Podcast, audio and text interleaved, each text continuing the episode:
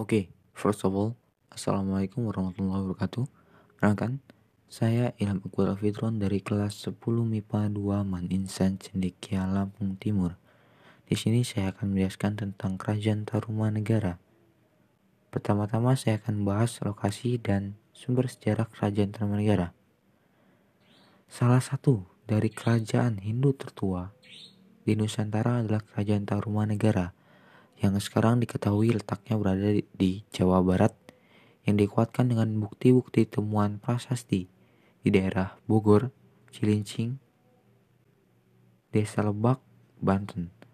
Kerajaan ini diperkirakan ada sejak abad kelima sama dengan Kerajaan Kutai. Hal ini diperkuat oleh berita Tiongkok yang menyebut Kerajaan Tolomo atau Tarumanegara yang mengirimkan utusan ke Tiongkok pada tahun 528 538, 665, dan 666 Masehi untuk sebuah kunjungan persahabatan yang didasari hubungan dagang.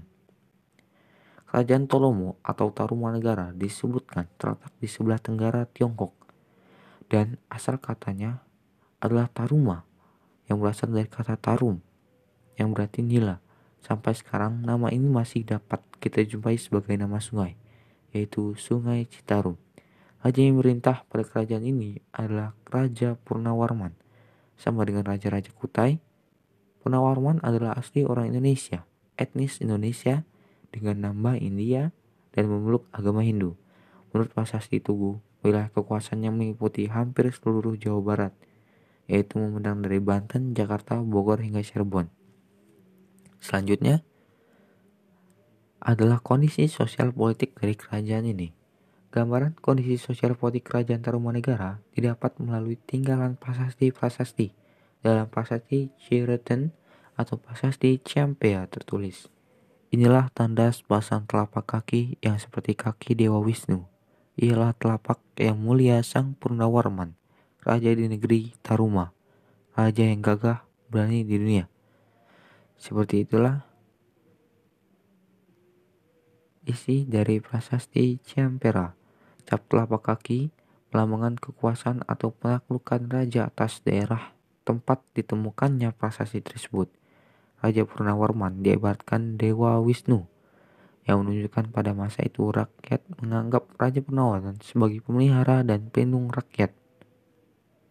Tulisan ini juga menggambarkan pemerintah di kerajaan Tarumanegara telah menerapkan konsep Dewa Raja, yaitu raja yang memerintah disamakan dengan Dewa Wisnu.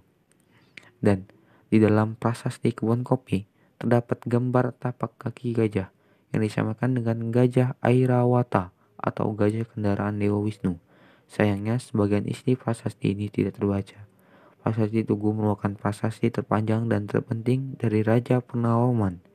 Tulisannya ada di atas batu, dapat dibaca secara melingkar, yang isinya antara lain menyebutkan tentang pembangunan saluran air yang panjangnya 6112 tombak atau sama dengan 11 km yang diberi nama Gua Mati. Saluran ini dibuat ketika Raja Purnawarman telah memerintah selama 22 tahun dan diselesaikan hanya dalam waktu 21 hari. Dari prasasti-prasasti tersebut dapat kita ketahui pada masa itu Jawa Barat telah terdapat sebuah kerajaan yang besar dan cukup makmur, serta penduduknya hidup dari hasil pertanian. Pada akhir masa pemerintahan Raja Tarumanegara, yang terakhir yaitu Sri Maharaja Linggawarman, memerintah dari tahun 666 sampai 669 Masehi. Kerajaan Tarumanegara pecah menjadi dua, yaitu Kerajaan Sunda yang merupakan kelanjutan dari kerajaan Tarumanegara di bawah kekuasaan menantunya bernama Tarus Bawa dan kerajaan Galuh di bawah Ureti Kandayun. Baik Sunda maupun Galuh sebelumnya merupakan kerajaan bawahan Tarumanegara. Kelak di bawah Sanjaya, putra Sana Raja ketiga Galuh, kedua kerajaan itu dipersatukan kembali, yaitu pada tahun 732 Masehi. Sanjaya menjadi pewaris takhta ibunya Sanaha di bumi Mataram, Kalingga Utara yang kelak melahirkan kerajaan Mataram kuno, sedangkan Galuh, Sunda Kuningan, dan Galunggung dibagi kepada dua orang putra hasil perkawinannya dengan putri dari Tarus Bawa. Di Mataram, Sanjaya mewariskan tahta kepada putranya Rakai Panangkaran hasil perkawinannya dengan Dewi Sudiwara, yaitu putri Dewa Singa penguasa Kalingga Selatan alias Bumi Sambara. Begitu saja dari saya. Terima kasih. Wassalamualaikum warahmatullahi wabarakatuh.